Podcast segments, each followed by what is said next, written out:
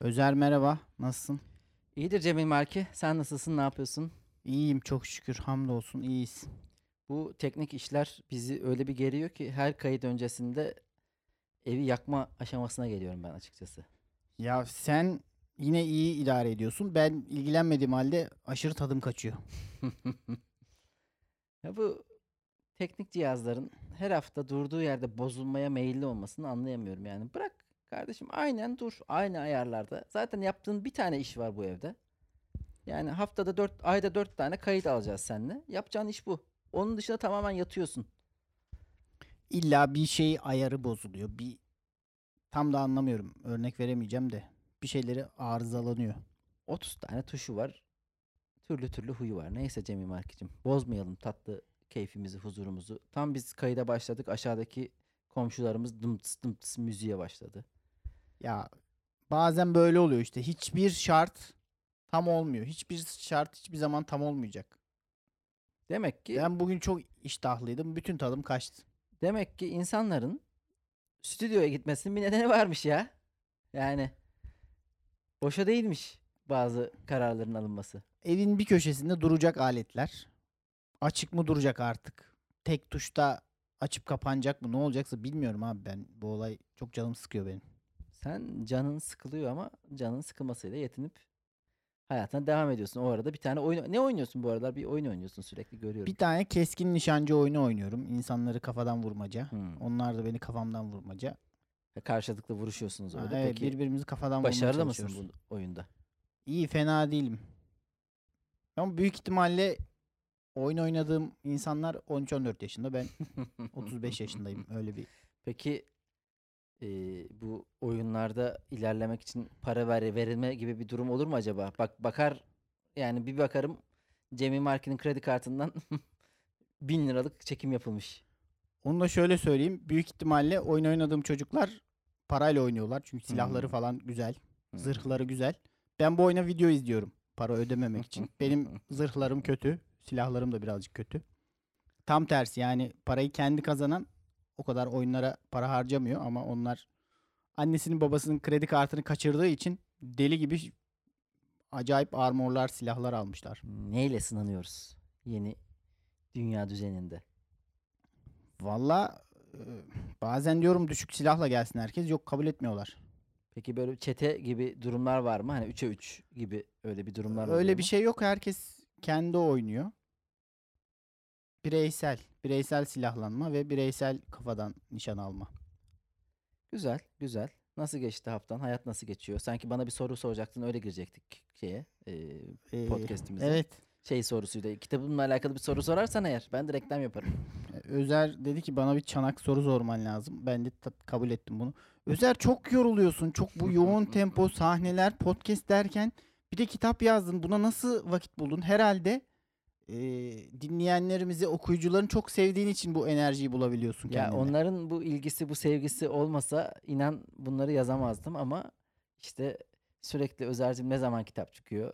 Podcast yeni bölüm ne zaman geliyor diye mesajlar yağıyor. Ben yani mesaj kutuma bakamıyorum ya. Evet. Kitap, kitap, kitap, kitap, kitap sürekli ne zaman çıkıyor diye. Ben de senin mesaj kutuna bakamıyorum çünkü telefonu kilitli oluyor. Yani ortada bıraktığın zaman falan. Ee, şaka bir yana 18 Mart'ta Ankara Araf'ta lansmanımız var. 19 Mart'ta da Kadıköy Motto sahnede. Gene saat 7 gibi başlıyor ikisi. Yani biz oralarda oluruz o saatlerde. Kitabımız işte almak isteyen, gelmek isteyen söyleşidir, imzadır. O işleri hallederiz. Onları hallettikten sonra da kankacığım e, bir ufak stand-up. Yani ortam olur mu? Her yerde stand-up yapılmasına ben karşıyım. Çünkü bazı yerlerde o e, bağrı, bazı şartlar sağlanmadan stand-up yapıldığında bir şeye benzemiyor. Ama bakarız 10 dakika 15 dakika belki yaparız. Hemen- Sonra konser var zaten. Kalabalığı görünce hemen stand-up yapın ya. Bu nedir? Yani işte Lansman şöyle bir şey olacak değil mi? Onunla biraz açalım. Halkımız e, bizi dinleyenler biliyordur da bizi dinleyenlerden çok firi olmaz. Lansman yani sen kitapları imzalıyorsun. evet. Orada evet. kitap satışı olacak mı? Zaten kitaplar ilk defa orada satışa çıkacak. Hmm. Henüz piyasaya Peki e, çıkmadılar. normal satış fiyatından bir iskonto, tabii, bir tabii, stopaj tabii, tabii, düşümü tabii, tabii. böyle şeyler olacak mı? Normal fiyatından daha ucuz olacak. Tam yüzdesini bilmiyorum şu an. Çünkü e, yani hala fiyatını bilmiyorum kitabın. Hiçbir şey. Fiyatını bilsem şey derim şu kadar da indirim olacak diye. Abi Kitabı onlar yazdığını biliyorsun sadece. son anda Kaç sayfa kitap? Kaç oldu şu an e, en son? 216 sayfa. 216. Yani e, bir kuruş desek ne oluyor sayfası? Kaçtan yazıyorsun? Çok da ucuza geliyor ha bir sayfa. Ya e, maliyetler deli gibi arttı biliyorsun kağıt maliyetleri. Ama son sistemde bu print on demand hikayesi var. Yani e, isteğe talebe bağlı baskı yapabilen dev makineler var. Onların maliyeti daha fazla. Bu benim kitabımda oradan çıkıyor. Yani öyle bir baskı sisteminden çıkıyor. Bu da işte kitap başı 10, 12, 13 lira ama sadece basım maliyeti getiriyor. Keşke dev makineye girmeseydiniz ya. Öbür türlü de ama 1000 tane, 2000 tane basmak zorundasın maliyeti düşürmek için. Bu sefer de o kitabı o kadar satamazsan hem kağıda yazık hem bir depoda çürüyecek bir mekan tutman lazım. Mallarımız Şu an depoda butik çürüdü. yayın evleri bu print on demand sisteminde. Yani e, kitap yurdunun KDE diye bir baskı sistemi var. Onun dışında başka yerlerde de var bu cihazlardan. Dolayısıyla ne oluyor? Böyle özel niş bir kitabı basabiliyorsun. Çünkü 200 tane de basabilirsin, 300 tane de basabilirsin. Talebe göre. Satıldıkça mesela. Satıl aynen zaten şey e, öyle bir basılıp mağazalarda beklemiyor ya da depolarda beklemiyor. Basılmadan talep geldiğinde 5 tane 10 tane tekrar tekrar Lahmacun gibi basılıyor. sıcak sıcak. Evet. 3 tane kitap. 3 tane öyle ya da böyle bir şekilde yaşıyoruz. Çok içeriğini bilmiyorum ama en azından dünya için daha iyi gibi geliyor sanki bana. Hani belki bir başka bokluğu varsa bilemem ama Ya madem kağıt bu kadar pahalı, ağaçlar kesiliyor. Hani e-book'lar hem ucuz olacak bu arada iyi daha de- pahalı ben bakıyorum. Bende Kindle var. iyi Yine söyledin onu. İyi kaçak kitap onu. indiriyorum. Ee, buradan da duyurmuş olayım. Ee, hem komik günler kitabını yani ilk romanımı hem öykü kitabımı eğer talep eden olursa bana mail atabilir Ozerus Gmail'e. Ee, PDF olarak yolluyorum. Yani aslında zaten basılıp para kazanma gibi kimse kitaptan öyle eğer Ahmet Ümit değilseniz, Orhan Pamuk değilseniz kitaptan Abi- para kazanmak bir şey sen yine de bedava yollama. Halkımızın bedava kelimesine karşı bir zaafı var biliyorsun. ya yok canım. Herkes senden ister. Yollarım ya yani e, isteyen varsa abi zaten öyle bir talep görülürse öyle bir talep varsa e, basılı olan da satılır ya yani hatta beğenirse insanlar onu da Evet. alır çünkü yani zaten kurgu kitap okumaya öyle bir e, talep yok çünkü hep dediğimiz şey var piyasada binlerce okunacak e, Ben de- kitap binlerce izlenecek iş bunu da talep eden insan sayısı da az. Yani zaten hep aynı kümeye sürekli bir şeyler satılmaya çalışılıyor. Ben de o konuda o kadar ihtirassız değilim. Ama merak eden varsa o, okuyabilir. Bence eğlenceli, güzel tabii ki. Yani yazdığım şeyi ben değerlendirmeyeyim de. Ben de sana onu soracaktım tam. Kitap yazma cüretini kendini nasıl buldun? Kitap yazma bence cüret değil. Ş- Şey demiyor musun? Ya ben kim köpeğim de Mm-mm. kitap yazıyorum. Çünkü benim için zor meslekler var. Yönetmenlik zordur, yazarlık zordur. Suculuk zordur. Sürekli damacana taşırsın. Bunlar zordur. Çünkü bayağı bir şeye hakim olman gerekir. evet. Ne bileyim. Ben asıl tam tersi bir şekilde şöyle düşünüyorum. Stand-up'ta daha fazla bir cüret var. Çünkü insanları evinden çıkartıyorsun. Bir saatini istiyorsun. Diyorsunuz ki bir de yani küçük salonu biraz geç. 100 kişi, 200 kişi karşında dizilmiş. Dinleyin anlatacağım.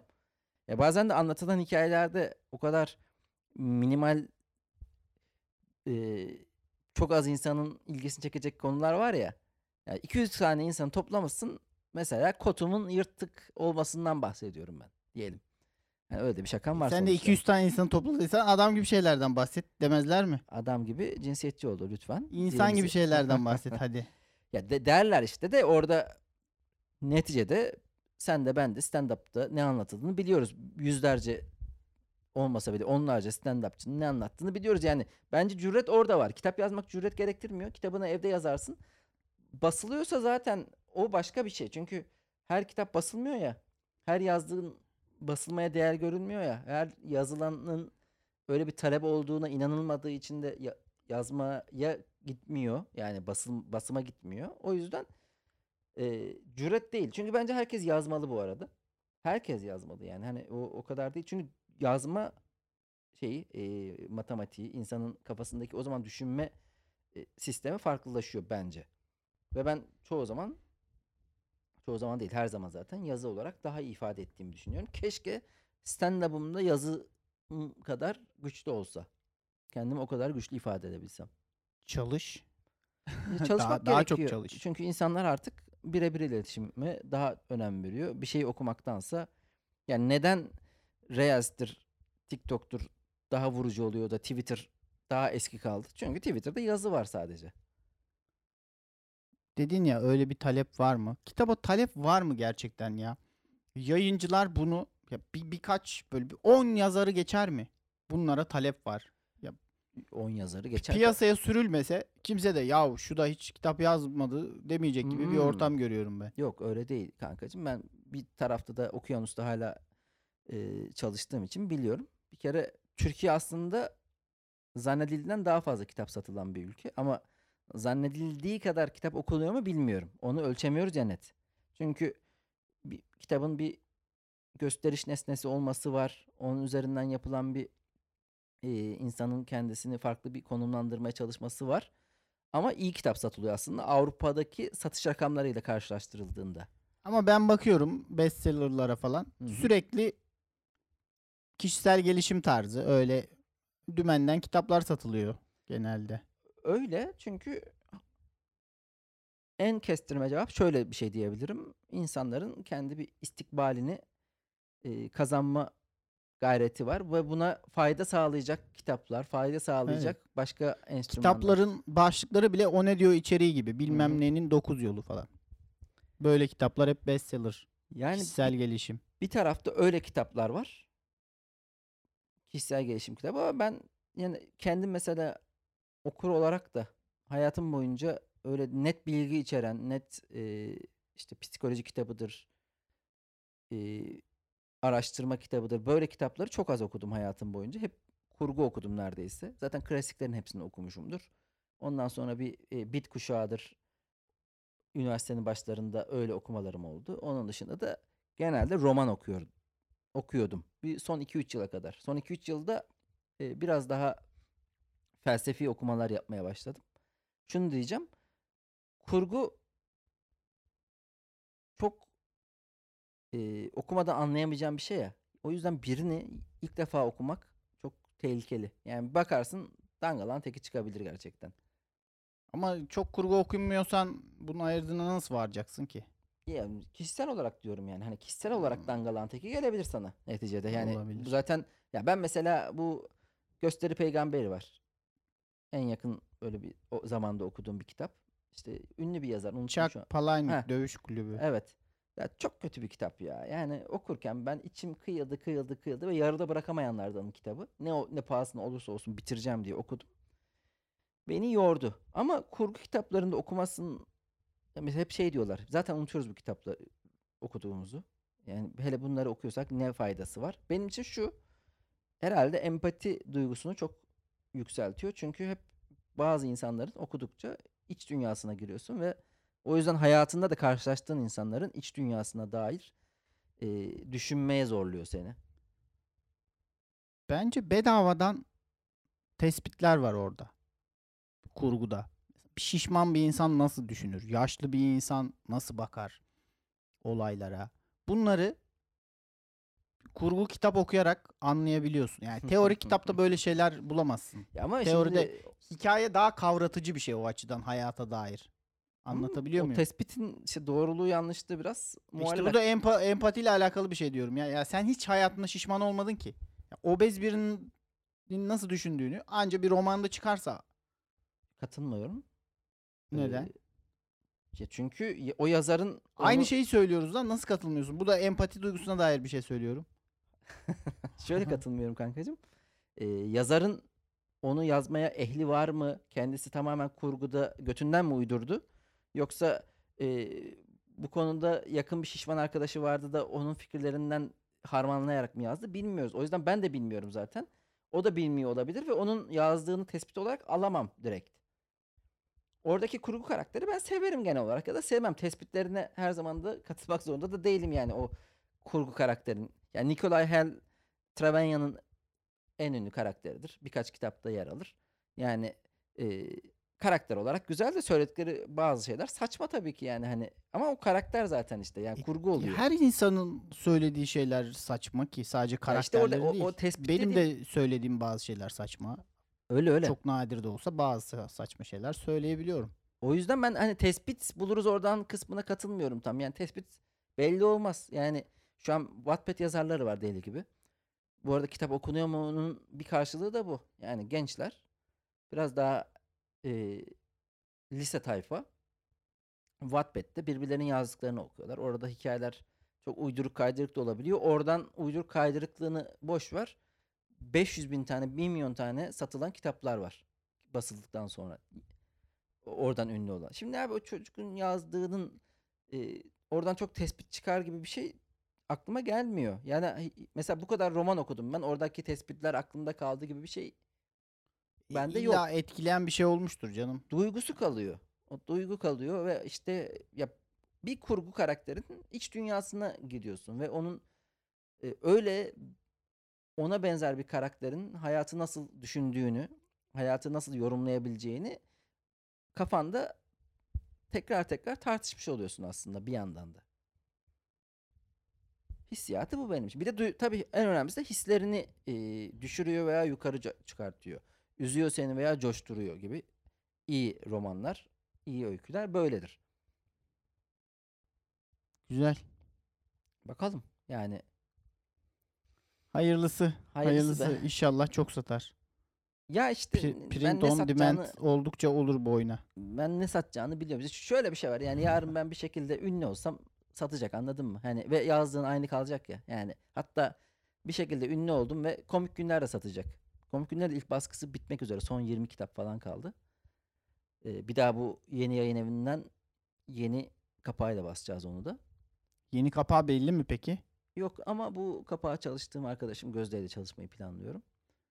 Ee, yani olayın okurlukla burada buna olan düşkünlükle bir alakası yok çoğu zaman. Çoğu zaman mesela beni tanıyanlar alıyor zaten. Beni bir vasıtayla sevenler alıyor zaten.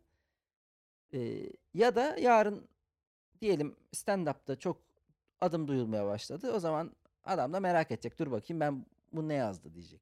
Yani böyle bir durum var ne yazık ki. Ama ben zaten herkesin yazması gerektiğine inanıyorum. Ha bu arada bir şey daha diyeyim. Kitabı yani e, yapabildiğim ilk fırsatta da podcast olarak da öykü 8 öyküden oluşuyor kitap.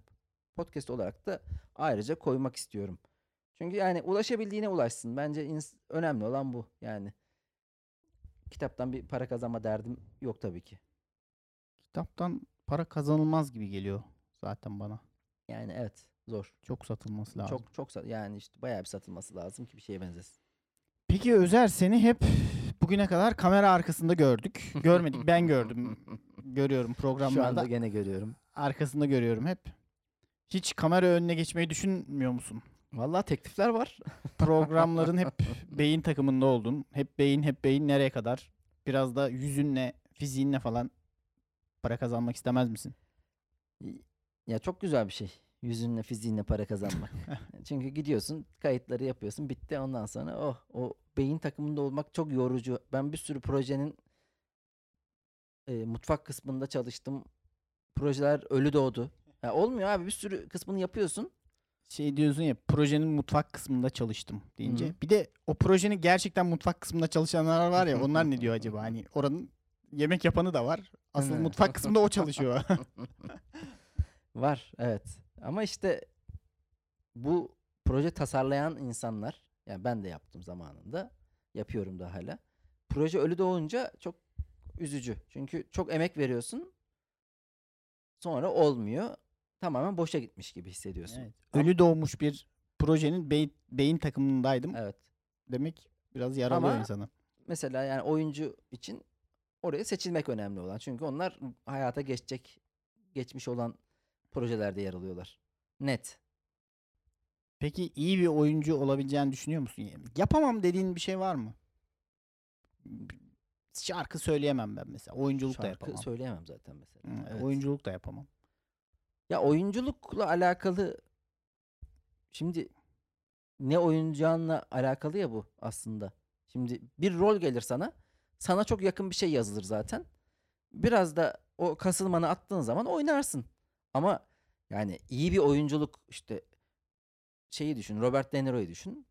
Taxi Driver'da yavaş yavaş deliren bir taksi şoförünü oynarken işte i- daha komedi yapımlarında da görüyorsun. Daha dramatik işte siyasi filmlerde de görüyorsun. Yani adam her rolü oynuyor. Çünkü o oyuncu iyi bir oyuncu ve oynayamadığı rol neredeyse yok. Ama ben şimdi bir drama rolünü hayatta oynayamam. Bir bilmem neyi oynayamam. Ama bana yakın birkaç rol yazılsa oynarım ne olacak? Bazı insanlar vardır kamera karşısına geçince devleşir ya. Hı. ben de kamera karşısına geçince küçülürüm yani. Olduğumdan daha da Ya bence öyle değil ya. kamera karşısına geçince cüceleşirim ben. Bence gibi geliyor bana, bilmiyorum. Ya sadece kafayı yormakla alakalı. Biraz üzerine düşsen kesinlikle yaparsın bence. Ama bu saatten sonra sen de ben de böyle spektrumu geniş bir oyunculuğumuz olamaz zaten. Hani hayatımızda üzerine yapmamışız. Bu çünkü oyuncu dediğin küçükken başlıyorlar tiyatroya. Ee, dansla iç içeler, tiyatroyla iç, iç- iç içeler. Bedenleri buna yatkın, bun- bedenleri buna müsait. Sonra e, her role girebiliyorlar tabii ki. Ama sen ben bu saatten sonra hani kendimiz ne kadar esnetebiliriz ki? Ya insanlarda da deli gibi özgüven var ya. 30 yaşına kadar, 35 yaşına kadar Hı hı. Bu alanla ilgili hiçbir eğitim almamış, hiçbir merakı olmamış. Bir anda bir şey oluyor. Bir kast ajansına kaydoluyor. Çevre de ona çok müsait işte. Sürekli insanlara özgüven pompalanıyor. Yapabilirsin işte. Bu mallar yapıyorsa sen de yapabilirsin. Sen de o mallardan birisin. Sadece kendine güven. Sadece kendine güven diye bir şey var. Bu kadar basit bir şey mi lan bu? bu kadar özgüven pompalanması beni çok rahatsız ediyor Ama ya şöyle herkese. herkes her şeyi yapabilir. Bunu senin lafın zaten. Birisi yapıyorsa ben de yaparım ama özgüvenin arkasından şu gelmeli. Şu özgüven şuna dair olmalı değil mi? Yani ben mesela oyunculuk yaparım derim. Sen de yaparsın ben de yaparım. Ama bunun hiçbir eğitimine kafa yormadan, bunun teoriğine, pratiğine vakit ayırmadan ben de oyunculuk yaparım. Nereye yapıyorsun ya? Hangi düzlemde, nasıl bir dünyada yapıyorsun bunu? Şu özgüven olması lazım. Ben eğer bu işe vakit ayırırsam, bu işin üzerine gidersem yaparım. Ne var ki? Bunu da diyebilmen lazım. Bilmiyorum. Şunu düşünsene. 7 milyar insan hepsi de özgüvenli. Kabus gibi. Sokağa bir çıkıyorsun herkesin götü kalkık falan böyle. Böyle bir dünya yaşamaktansa bütün insanların ezik olması beni daha iyi hissettirir ya. özgüvenli, çok özgüvenli insanlar rahatsız ediyor beni. Ben de özgüven yani ama kastettiğin özgüvenle the özgüvenle e özgüven biraz farklı. Yani o kastettiğin özgüven evet çok itici. Zaten benim en mesela sahneyle alakalı seninle konuştuğumuzda şunu diyorum ya. Özgüvenli kötü komedyene dayanamıyorum. Ama özgüvensiz kötü komedyen tatlı bile olabiliyor. Çünkü o orada hata yapmaktan korkuyor, bir çekinmesi var. Özgüvenli şekilde geliyorlar bazen açık mikrofonda bağıra bağıra tok sesleriyle aşırı göğüslerini şişirerek çok kötü hikayeler anlatıyorlar ve cringe oluyorum. Böyle içime içime çekiliyorum. Bu evet ama yani herkes özgüvenli olmalı abi her konuda.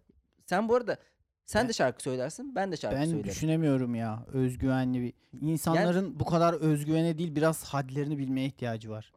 Ya bu ikisi de çok şey yani sloganvari kelime cümleler bence. Yani bu öyle de Slogansa da güzel bir slogan bu. Ya evet kulağa güzel geliyor zaten ama tersini söyleyince de eee, işte bir cenahtan da o da çekici geliyor ya mesela şey deniyor bir cenahta işte hepiniz özgüvenli olsanız hepiniz özgüvenli olmalısınız diyen o Instagram postları onların da alıcısı var. Bunu desem bunun da alıcısı var. Ama bence ikisi de çok yani tek düzlemde Bunun nereye alıcısı var ya? İnsanlara diyorum ki ezik olmanızda bir problem yok. ya bu çoğu kom- Hatta ezik olmalısınız. E, e, e, öyle dersen alıcısı olmaz da haddini bilme, bilmeli dediğinde Twitter'da mesela bunu e, çok RTF etkileşim alacak bir tweet olarak görebiliyorum şimdiden. Ama tek düzlemli bu. Yani bunun arkası dolu mu boş mu neyi kastediyorsun o boş ya. Ben o sloganvari cümlelerden aslında genel olarak rahatsız oluyorum. Çünkü çünkü ya özgüvenli olursan sen mesela bugün başlasan bir yıl içerisinde senin gitar çalmaman için bir neden yok. Yani hayatında çalmamışsın bu yaşına kadar. Belki eline gitar almamışsın ama bugün başlasan ama bunun karşılığı var. Yani günde 3 saat ayıracaksın. Hocasına gideceksin. İşte teorisine bakacaksın. Bu zaman yani bir yıl sonra gitar çalarsın ama şu özgüven olamaz sende. Ben gitarı alırım. işte elime biraz e, parmaklarıma gezdiririm. Sonra da en iyi gitarist ben olurum. Bu özgüvensizlik, bu hadsizlik. Tam da böyle düşünüyorum. Aynen böyle yaparım ben. Karar ver yani. Abi, O mu o Ya insanları düşünüyor. Yani tarihteki en özgüvenli insanlar mesela. Hitler'den daha özgüvenli olabilir misin? Bir şeyin dozunu da kaçırmamak lazım. Ya işte abi ama yani o adamın özgüveni zaten dünyayı fethetmek üzerine. ya. Yani Evet. Bu ne cüret. Hedefimiz ne yani? Son durak neresi bu Ya bu arada özgüvenle? gerçi o kadar özgüvenli olunca dünyayı bile fethebil, fethedebileceğini anlayabilirsin buradan. Yani Avrupa'nın neredeyse tamamını ele geçirdi. Sovyetlere doğru ilerledi. Dünya Hemen araştırıp çıkardı. ner, nerelerde eksik, Ya neleri aslında boş bir yaptı. özgüven de yokmuş adamda. Ama sonuçta başarısız oldu. Net bir şekilde. Ya kaf- o dünyayı fethetmeye çalıştı, başarısız oldu. Ben fethetmeye çalışmadım. Hı hı. İkimiz de aynı noktadayız. Ya elbette ama o bir süreliğine dünyayı fethetti neredeyse. Yani sonuçta nereden baktığına bağlı. 1941 ile 43 arasında e, Hitler altın çağını yaşıyordu. Altın, yanına gelen bütün Hitler yancıları da ağam paşam çekiyordu yani. E, adam Paris'e Paris'e içine içine girdi. Orada Eyfel Kulesi'nin önünde poz kesti ya. O, Ya o çok saçma bir şey ya. Önünde fotoğraf çektirme. Yok selfie çekseydin Hitler ya. abi tatil Bu adam var ya altın çağını falan yaşıyor diyoruz da çok lame bir hareketmiş. Oradan bu adamın düşeceği belli olmalıydı zaten. Oğlum herif bildiğin deli. Zaten sonra morfin kullanmaktan iyice deliriyor. Tamamen kafayı yiyor ama yanındakilere inandırıyor. İnsanlık saçma sapan bir yaratık genel olarak. Biraz daha yani ona etrafında karşı çıkamayanlar yüzünden, biraz ezikler yüzünden derken yükselişi falan enteresan bir nokta. Danışmanları yanılttı bir cümle geldi şu an aklıma. Evet. yani Dünyayı ama fethedebilirsiniz falan dediler büyük ihtimalle. Ya, ya da kendi işte dedi. Onlar da bir şey bir diyemedi. yerden sonra bu etkileşim başladı ya. Yani herif yanına birilerini topladı. Onlar ona e, sen şeyhsin dedi. Uçabilirsin dedi. O da "Aa, uçuyorum dedi. İkisi birbirini besledi. Bir bak. Sadece kendine güven, uçabilirsin dedi. Yani kendimize öz güvenelim bence de. Ama şunu da yapalım yani hani bu kendine güvenin karşılığında kendini eleştirme değil cevabı. Hani biz sahneden sonra seninle gelip burada kendimizi eleştiriyorsak eksiğimizi, gediğimizi en azından e, kendimiz dilimiz döndüğünce ortaya koyabiliyorsak bu olması gereken bir şey. Ama ben tamamen kendime özgüvensiz diyemem. Ama çok özgüvenliyim de diyemem yani. Hani en azından neye gayret edebileceğimi, etmeyeceğimi biliyorum. Güzel bu insanı dinamik tutuyor. Her zaman kendine bir ihtiyat payıyla yaklaşmak, birazcık şüphe içinde olmak insanı dinamik kılan bir şey. Öbür türlü her şeyi çözdüm, ben bitirdim, ortalığın ağzına sıçtım diyen bir insan donup kalıyor zaten. Ya işte bazen de o ihtiyatsızlıkla beraber hızlı bir yükseliş ama akabinde yine hızlı bir gözden kaybolma görünebiliyor en azından popüler kültürde. Diğer konuları bilmiyorum da yani hızlı bir görünürlük elde etme çabası kasarsak aynı şekilde hızlı bir kaybolmaya tekabül ediyor ya da onunla sonuçlanıyor diyeyim. Saman alevi gibi ataklar.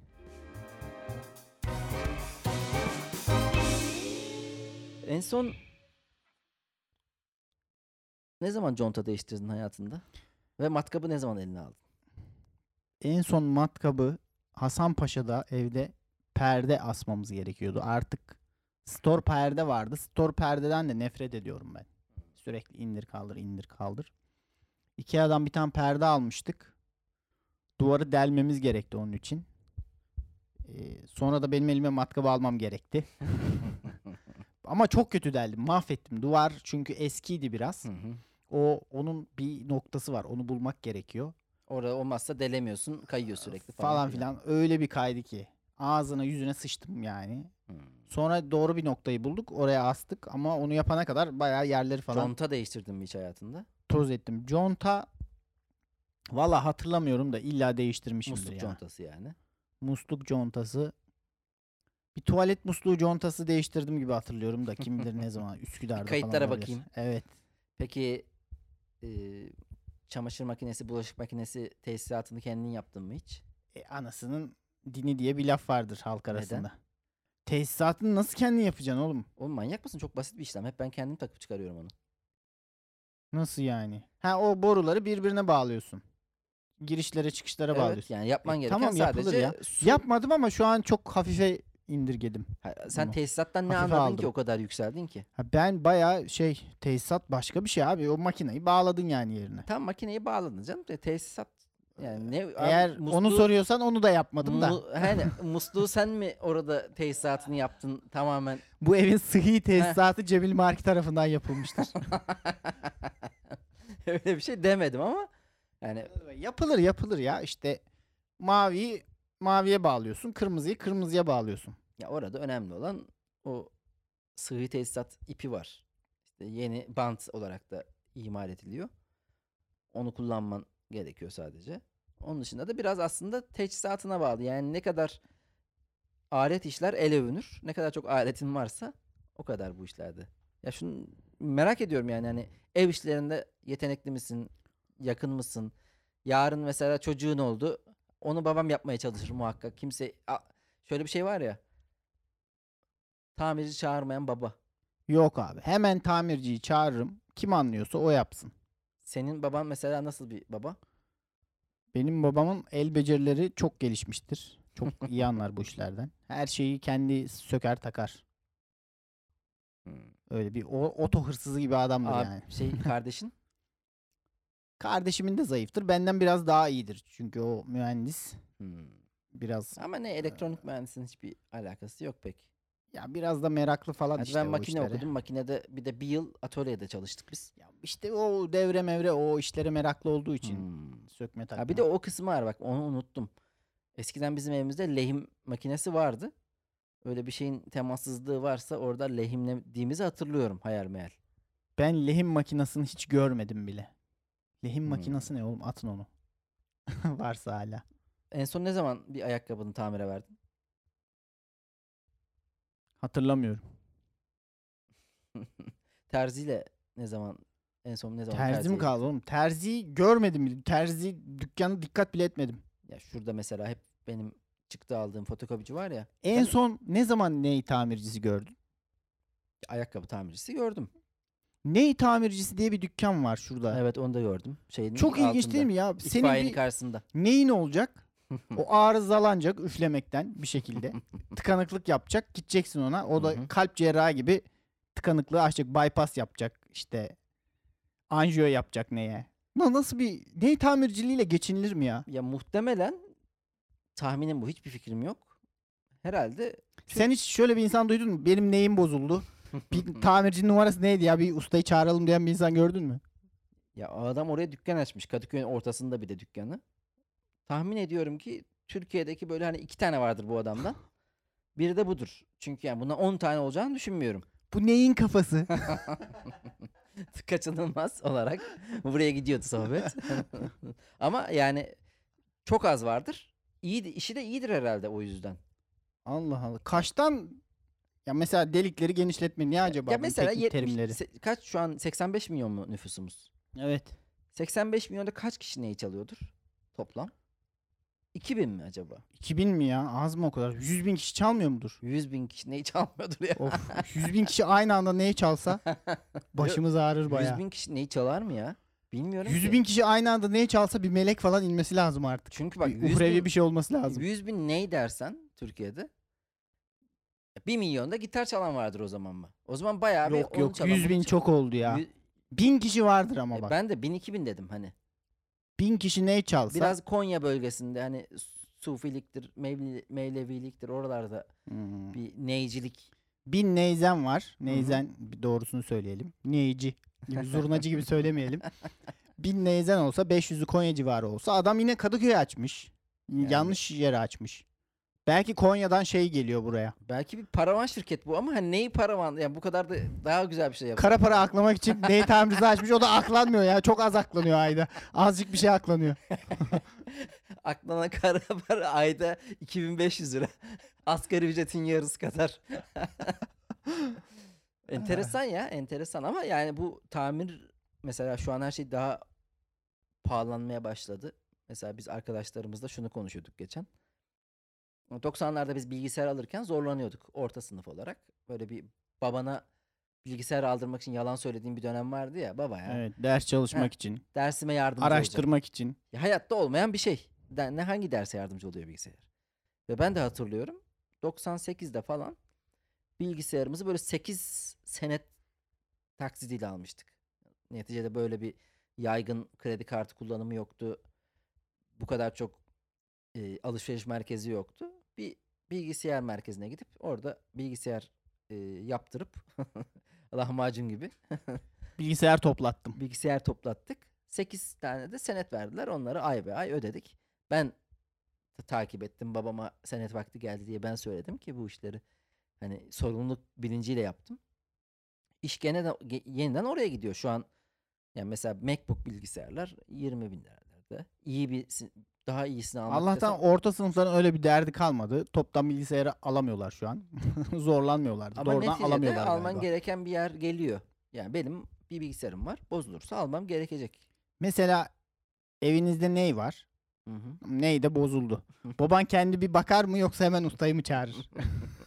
Ya bana neydi ama şimdi onun bir çok arızası olmaması gereken bir alete benziyor. E, çok elektronik değil bir şey değil. Acaba Yani, bunun neyi bozuluyor? hani ben çok kafam takılıyorum Mesela da.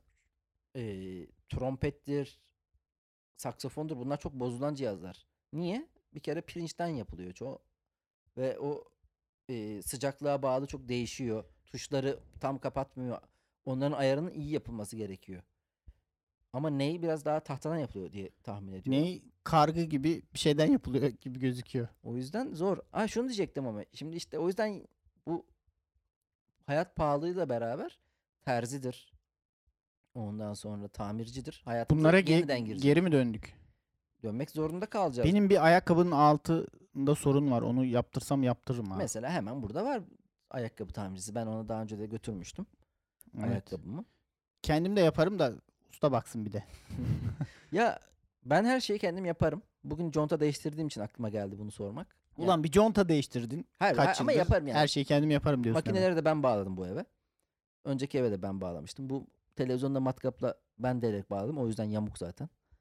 Şu aynayı da ben matkapla bağlar, bağladım ve o yüzden yanlış yerde tek başıma yaptığım için. Her şeyi yaparım diyorsun da yanlış yapmışsın her şeyi. Tek başına yaptığım için aslında yani Ben bir neredeyim o zaman? Ben İşte de abi o gün ben- yokum.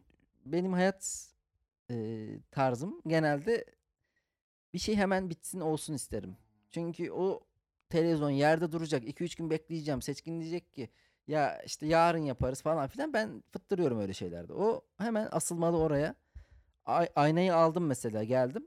Sen yoktun evde. Hemen onu yapmak istedim. Orada kenarda beklesin istemiyorum ben. Biraz daha yukarı asılabilirmiş, Tabii takılabilirmiş. tabii ama işte hani ona bakmam için birinin tutması benim de ayar yapmam gerekiyordu. Yapmadım onu. Yapamadım. Asmış oldum. Ha, yapsak yaparız gene şu an düzeltebiliriz. Evet. 2 dakikalık bir iş neticede. Ha, yani ama yavaş yavaş da bu iş lehim makinesine kadar gidebilir. Öyle diyeyim. Yani şu an mesela kulaklığın bozulur atıyorsun ya. Ben bu evde asla lehim makinesine tahammül edemem. Gördüğüm yerde atarım hemen. lehim makinesinin ses de çıkarmaz. Niye bir Bilmiyorum ben oluştu? çok şey yapamadım, ısınamadım lehim makinesine. lehim makinesi istemiyorum evlerde. Eyvallah, eyvallah. Sor bakalım bir şey. o zaman e, son soruma geçiyorum. Hı. En son hangi ön yargında haksız çıktın? Hangi ön yargımda? Yani bunu hemen hatırlayamam. Evet. Ama çok fazla insan konusunda ön yargılı olup sonra aa iyiymiş dediğim oldu. Yani Peki insanlara karşı kafadan bir ön yargıyla yaklaşıyoruz değil mi? hı hı. Kesinlikle yaklaşıyorum. Yaklaşmayı da olumlu buluyorum. Evet. Ki yani bu e, genel olarak evrimsel Her e, insanı olarak bir da mantıklı bir şey. sıfırda değil de eksi 2'de 3'te başlatacaksın ki o iyi bir şey yaptıkça öyle yani bir eksi de başlasın bakalım. Hı hı. Kendini bir kanıtlasın. Ona göre notunu vermek daha mantıklı. Ön yargı hayat kurtarır bir yandan da. Ya ön yargı oluyor ister istemez oluyor ya bazı insana uzaktan bayağı antipati besleyebiliyorum ya da sempati besleyebiliyorum. Mesela yakın zamanda gördüğümüz e, yakın zamanda YouTube'a videosu düşen bir arkadaşımız var. Yani ne mesleği yaptığını da söylemeyelim kapalı kalsın bu anlatım. Çünkü biraz e, ipucu verdik mi fark edilecek. Evet herkes anlayacak. Belki Çok anlayan bile itici, oldu şu an. Yani o kadar itici bir insan ki benim onu izlemeye de e, elim gitmiyor. Yani ona yan yana gelsek konuşamam gibi hissediyorum. Böyle çok itici. Ama bir yandan hani yarın bir konuşuruz bir şekilde aynı mekanda, aynı yerde yan yana durmak zorunda kalırız. Büyük ihtimalle de iyi de bir insandır ha biraz konuşsan. Ya Öyle bunu- çok da bir zararı büyük yoktur ihtimalle kimseye. bunu dersen ön yargımı kırmış olmuyor yani. Evet. Hayır hayır şu an mesela itiraz ediyorum. Hayır abi değil bence. Ya o Einstein'ın şey var ya işte ön yargıyı Kırmak. parçalamak atomu parçalamaktan daha zor. Belki de Einstein bunu şey olarak söyledi. Ee, ya ben böyle diyeyim hani yaptığım bir işi küçümsersin ya. Hı hı. Çevresinden biri de şey desin istedi. Yok abi olur mu atom daha zordur falan desin diye dedi. Millet de dedi evet evet doğru ön yargı daha zor dedi. Ben. Bence atom daha zor ya ön yargı. Kırılı verir ne olacak? Ya bu cümleleri bir yerden alıyorlar ya hani gazete Evet evet. röportajlarında bir cımbızlama hikayesi var. Abi şimdi adam hani belki şöyle diyordu. İşte ön yargıyı parçalamak atom parçalamaktan daha zordur. Gibi şeyler deniliyor ama ben aslında katılmıyorum. Evet. Başını bunu- sonunu kestiniz mi ne yaptınız? Ya belki herif övgü istiyor tamam mı? Hı. Bir atomla ilgili bir şey bulmuşum ben. Yani, Ha, s- yani sikerim ön yargısını falan biraz beni övün diye öyle bir şey söyledi ama hiç kimse onu övmedi. Aa adam bir keramet aradılar yine. o da yani. olabilir. Ya, ama şunu ben hep düşünüyorum. Bazen de bazı tartışma konu açıldığında arkadaşlarımla üzerine konuşuyorum. Ya ön yargılı olabilirim de yani bu sadece uzaktan antipati beslediğim bir insan oluyor. Bir şey de, de yapmıyorum. Ama ve lakin yani belki yani yanıma gelmemesi için bir ekstra bir şey çabalamıyorum. Onun kötülüğü için ekstra bir şey yapmıyorum. Bu tamamen içimde taşıdığım bir şey. Ee, aynı şekilde bir de ee, yani güven meselesi var. Bana güveniyor musun, güvenmiyor musun? Güven mesela ne zaman söz konusu olur? Birisi güvenini zedeleyecek bir şey yaptığında ha o güvenilmez dersin. Hmm. Peşinden bu güvenilir denmez. Ya da bu güvenilmez denmez. Güvenilmez de denmez. Ne yapacaksın? En iyisi evin sağına soluna 3-5 kuruş para Sadece koyacaksın. güvenilmez bir e, yani güvenmen gereken bir ortak bir şey yapıyorsan o zaman e, bunu tartman gerekiyor ve onun da orada onun olumlu mu olumsuz mu bir neticesini gör- görmen gerekiyor. Nedir yani? Ya X bir insan var tanıdığımız. Hayatımızda ona güvenip güvenmememiz gerekmiyor aslında. Ama diyelim ki bir şekilde ona anahtar verip bizim evden bir şey almasını istedik ya da bize çantasını bırakacak anahtarı verdik. Şimdi ilk defa şunu düşünmen gerekiyor hayatında o zaman bu adamla alakalı. Bu adama evin anahtarı verecek kadar güvenilir mi güvenilmez mi? Bu adam eve avluya sokulur mu? Hı. Normalde çünkü dışarıda biz konuşuyoruz. E böyle bir şey yok zaten yani ne yapacağım? Hep bu dizilerden hayatımızı farklı kılan şu ya. Mesela dizilerde sürekli kötü insanlar var, entrikalar var. Sen hayatında kaç kişi sana entrika yaptı Cemil Marki? Azdır. Yani böyle entrikalar kafalar çok azdır. Çünkü insanların o eee, paylaşımı yaptığı insanlar belli zaten yani iyi kötü olabilecek kadar. Ailen, arkadaşların, sevgilin. Şimdi yani bunlara güvenmen gerekiyor ya. Bunların da bir şey yaptığında güvenmemen gerekiyor. Ama yekten de güvensizlik yaşarsan o seni zaten zedeliyor mesela. Çünkü yani Evet. Ön yargı diye bir şey var vardır ama ön güven diye bir şey yoktur. yoktur. ön güven. Ön, ön yargı vardır ama ön yargıyla bir insana e, şey yapamazsın. Yani mesela ona öyle davranamazsın ön yargınla. Yani ben ön yargımdan dolayı bir insana kötü davranmam. Mesafeli davranırım, kontrollü davranırım en fazla. Güzel. Bu kadar. Benim soracaklarım bu Benim kadar. bir de sana son sorum bu. Bununla da kapatalım. En son uyumadan önce ne düşündün? Ya da genelde uyumadan önce ne düşünüyorsun? Uyumadan önce son zamanlarda hiçbir şey düşünmüyorum. Şöyle bir şey yapıyorum uyumadan önce. Twitter'a giriyorum. Bu trans dışlayıcı feministler denen Hı hı. grupla e, trans aktivistler denen grupların kavgaları oluyor. Her gün olur bir Hı hı. konu Tabii. üzerinde. Muhakkak. Şahısal artık şahsileştirilmiş de oluyor. Yani kişisel şeyler de oluyor. Karşılıklı hakaretler de oluyor. Onları bayağı alıntılayarak kavga ediyorlar. Hı. Birbirlerine laf yarışına giriyorlar. Onları okurken Vakit bir geçiyor. uykuya dalıyorum. bir, bir yandan da öğrenmeye çalışıyorum. Ne nedir? Ne oluyor? Neden neyin mücadelesi veriliyor? Hiç mesela Genelde şakanı düşünerek uyuduğun oluyor mu?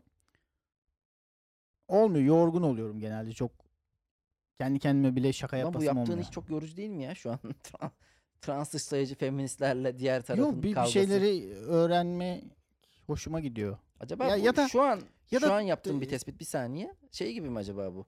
Eskiden Show TV'de izlediğimiz BBG'de kavgaların verdiği hazzı mı veriyor acaba bize? Bilmiyorum olabilir. Ya da çok alakasız bir şey geliyor aklıma tamam mı? Çok alakasız bir isim geliyor. Tam uyuyacağım.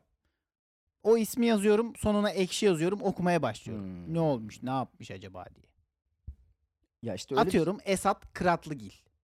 Lan bu herif ne oldu? Öldü mü kaldı mı? Peki Hemen yazıyorum, Sızma Esat- anını nasıl geçiyorsun? Ben onu merak ediyorum. Çünkü ben böyle bir şey yaparsam uyuyamam. Bir yerde o telefonu bırakıp Ha, gözümü şey oluyorsun. kapatıp uykunun geldiğini anlıyorsun zaten Hı hı. artık. Anlamamaya başlıyorsun okuduğunu. Diyorsun ki uyumam lazım. Telefonun ışığını kapat. Uyuyorsun bu kadar basit. ya işte son uyumaya yatkın yakınken ne düşünülüyor acaba genel olarak?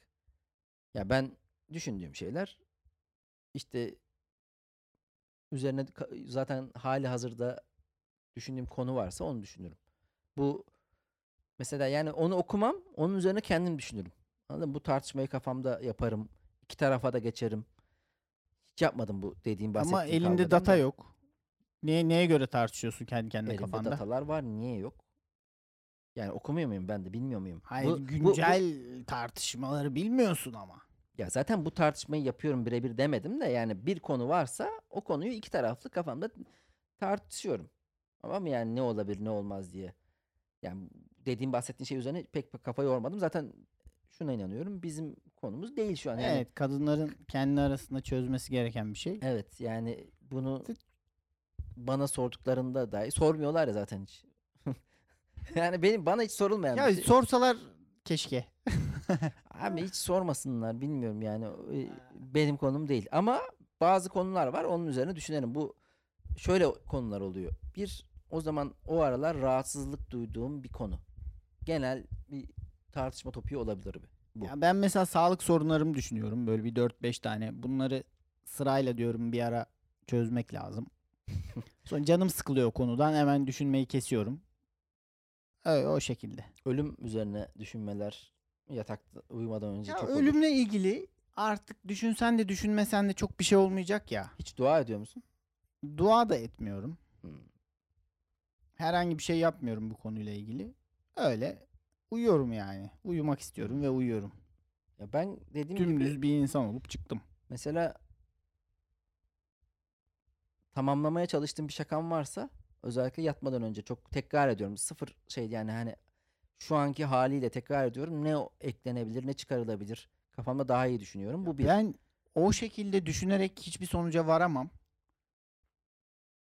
Hiç beklemediğim anda bir şeyler geliyor aklıma. O zaman artık kendimi bırakıyorum ya da bir yere not almaya başlıyorum. Hmm. Öyle düşünerek uyumadan önce düşüneyim. Sabah kalkınca dinç kafayla düşüneyim. O bazen de patır patır aklına bir sürü şey gelmeye başlıyor. Hmm.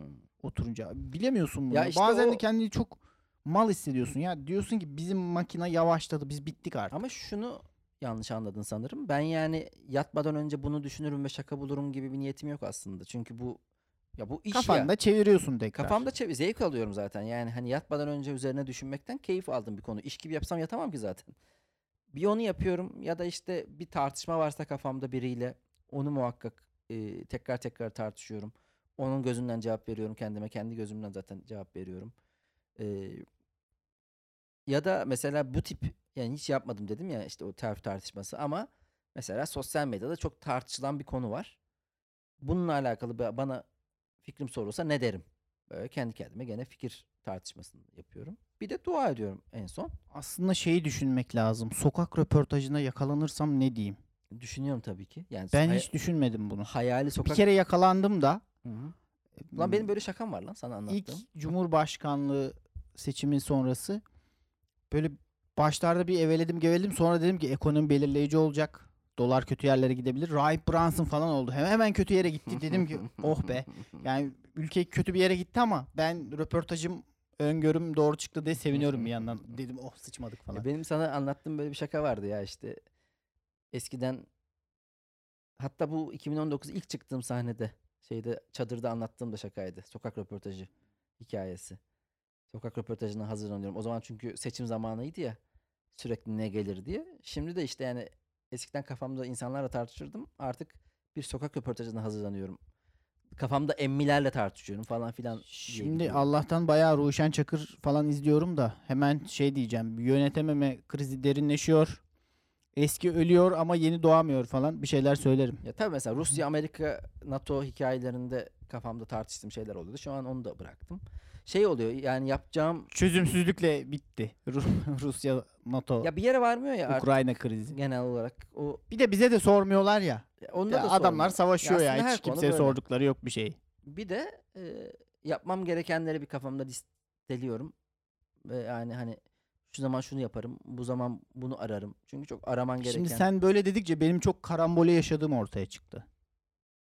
Ben kendimi bırakıyorum. Böyle. Ben o yatmadan Dal- öncenin- dalgalara bırakıyorum. yatmadan öncenin bayağı benim için Ben yatmadan önce bu kadar düşünürsem uyuyamam zaten. bir arada bir yerde uyuyorsun ya zaten. Yani harbiden bir yerde uyuyorsun. Ben o şeyi seviyorum o yüzden. Yani yatağa girip düşünmeyi seviyorum. Öyle uyumam lazım. Yani mesela şey tarzı uyuma var ya, sızma. Ben ne zaman sızdığımı hatırlamıyorum en son. Allah Allah. Öyle Nasıl bir- olabilir böyle bir şey? Yani mesela televizyon karşısına sızdım diye bir şey yok. Kapatayım her şeyi. Ondan sonra sızayım. Ama en Güzel. son bunu da deyip bırakayım. İşte dün uyumadan önce Teoman'ın Storytel'den kitabını açtım. Yani dinliyordum zaten de işte devam ettim daha doğrusu. Şunu düşündüm sabah da onunla alakalı yazmıştım zaten. Abi işte yani dışarıdan baktığında Teoman çok eee, kadın peşinde hayatını geçirmiş diye düşünürsün. Ondan sonra ya bu intiban budur değil mi? Teoman'la ilgili çok çapkındır. İstanbul'da beraber olmadığı insan yoktur gibi gibi. Bir de Teoman çok çişe gidiyor gibi geliyor bana. Çok bira içtiği için. Teoman'a bakınca ulan diyorum bu herif ne çişe Bira mı gidiyordur. içiyor lan? Viski içiyordur bence. Deli gibi bira içiyor. Hmm. Evet. Deli- Viski falan da içmiyor. Çok bira içiyor. Deli gibi korkuyorlar. ya bir kere aslında hani e, kitapta çocukluğundan beri kadınlara yanık ve her şeyi kadına e, ulaşmak için yapıyor. Yani müzik yaparsam öyle olur. Bodrum'a gideyim orada daha çok kadınla b- beraber olurum. Tatilden dönüş var. Teoman'ın motoru, Bo- bu sanatın motoru karı kızmış yani Ee, tamam. Boğaz içinden önce İstanbul Üniversitesi'ni kazanmış galiba.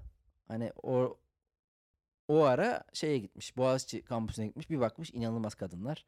Hemen Boğaziçi'ye kazanmak için deli gibi ders çalışmış yani. Ondan sonra ya tabii- Berbat, berbat bir insan. niye lan manyak mısın? Ha, Yani. bu, bu nedir ya? Bu çok saçma. Aşırı saçma bir hayat. Ya bence normal ya bunu açıkça söylemesi yeterli yani hani bence Ama bilmiyorum Samimi- kitapta yazıyor mu? Şu olayı güzel. Teoman bir şey merak ettiği zaman hemen gidip onunla ilgili kim varsa Hmm. özel ders gibi bir şey alıyormuş. Böyle Hmm. briefing gibi bir şey alıyormuş. Sanat tarihi olabilir. Herhangi bir konu olabilir. O konuyu hemen öğrenmeye ya çalışıyormuş. tabii şimdi Büyük bunu- ihtimal onları da kadınlar için falan yapıyordu ama ya neyse. işin şakaya vurma kısmı da öyle olabilir. Çocukluğu böyle babasının kaybı, anneannesinin kaybı, işte çok sevdiği e, kuzeni ama dayı diyor falan filan. Onun kaybı falan filan üst üste gelmiş ve 20 kiloymuş. Aşırı yemek yemeyen, işte hastalıklı bir tipmiş. Annesiyle anneannesiyle bahçeli evlerde 60 metrekare evde yaşayan biri. Bir tarafı Giresunlu, bir tarafı e, Yugoslavya göçmeni. Ondan sonra incelikli, hassas bir adam olduğunu da anlıyorsun yani hani bir yandan.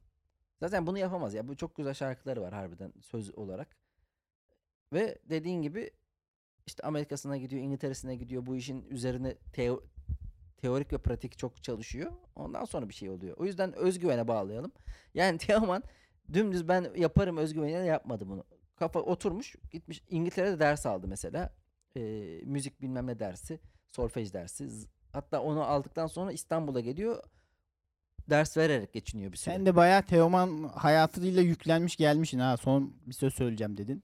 Ya öyle benim bi- biliyorsun okuduğum kitapları yakın zamanda çok konuşurum. Mesela bir yıl sonra sonra aklımda kalmaz. Ahmet Kaya'nın Teoman kimdi ya? o kadar unut- Ahmet unutuyoruz. Kaya'nın hayatını okuduğum kitabı var. O da etkileyici bir kitap ama yine çat pat böyle ufak şeyler kaldı aklımda.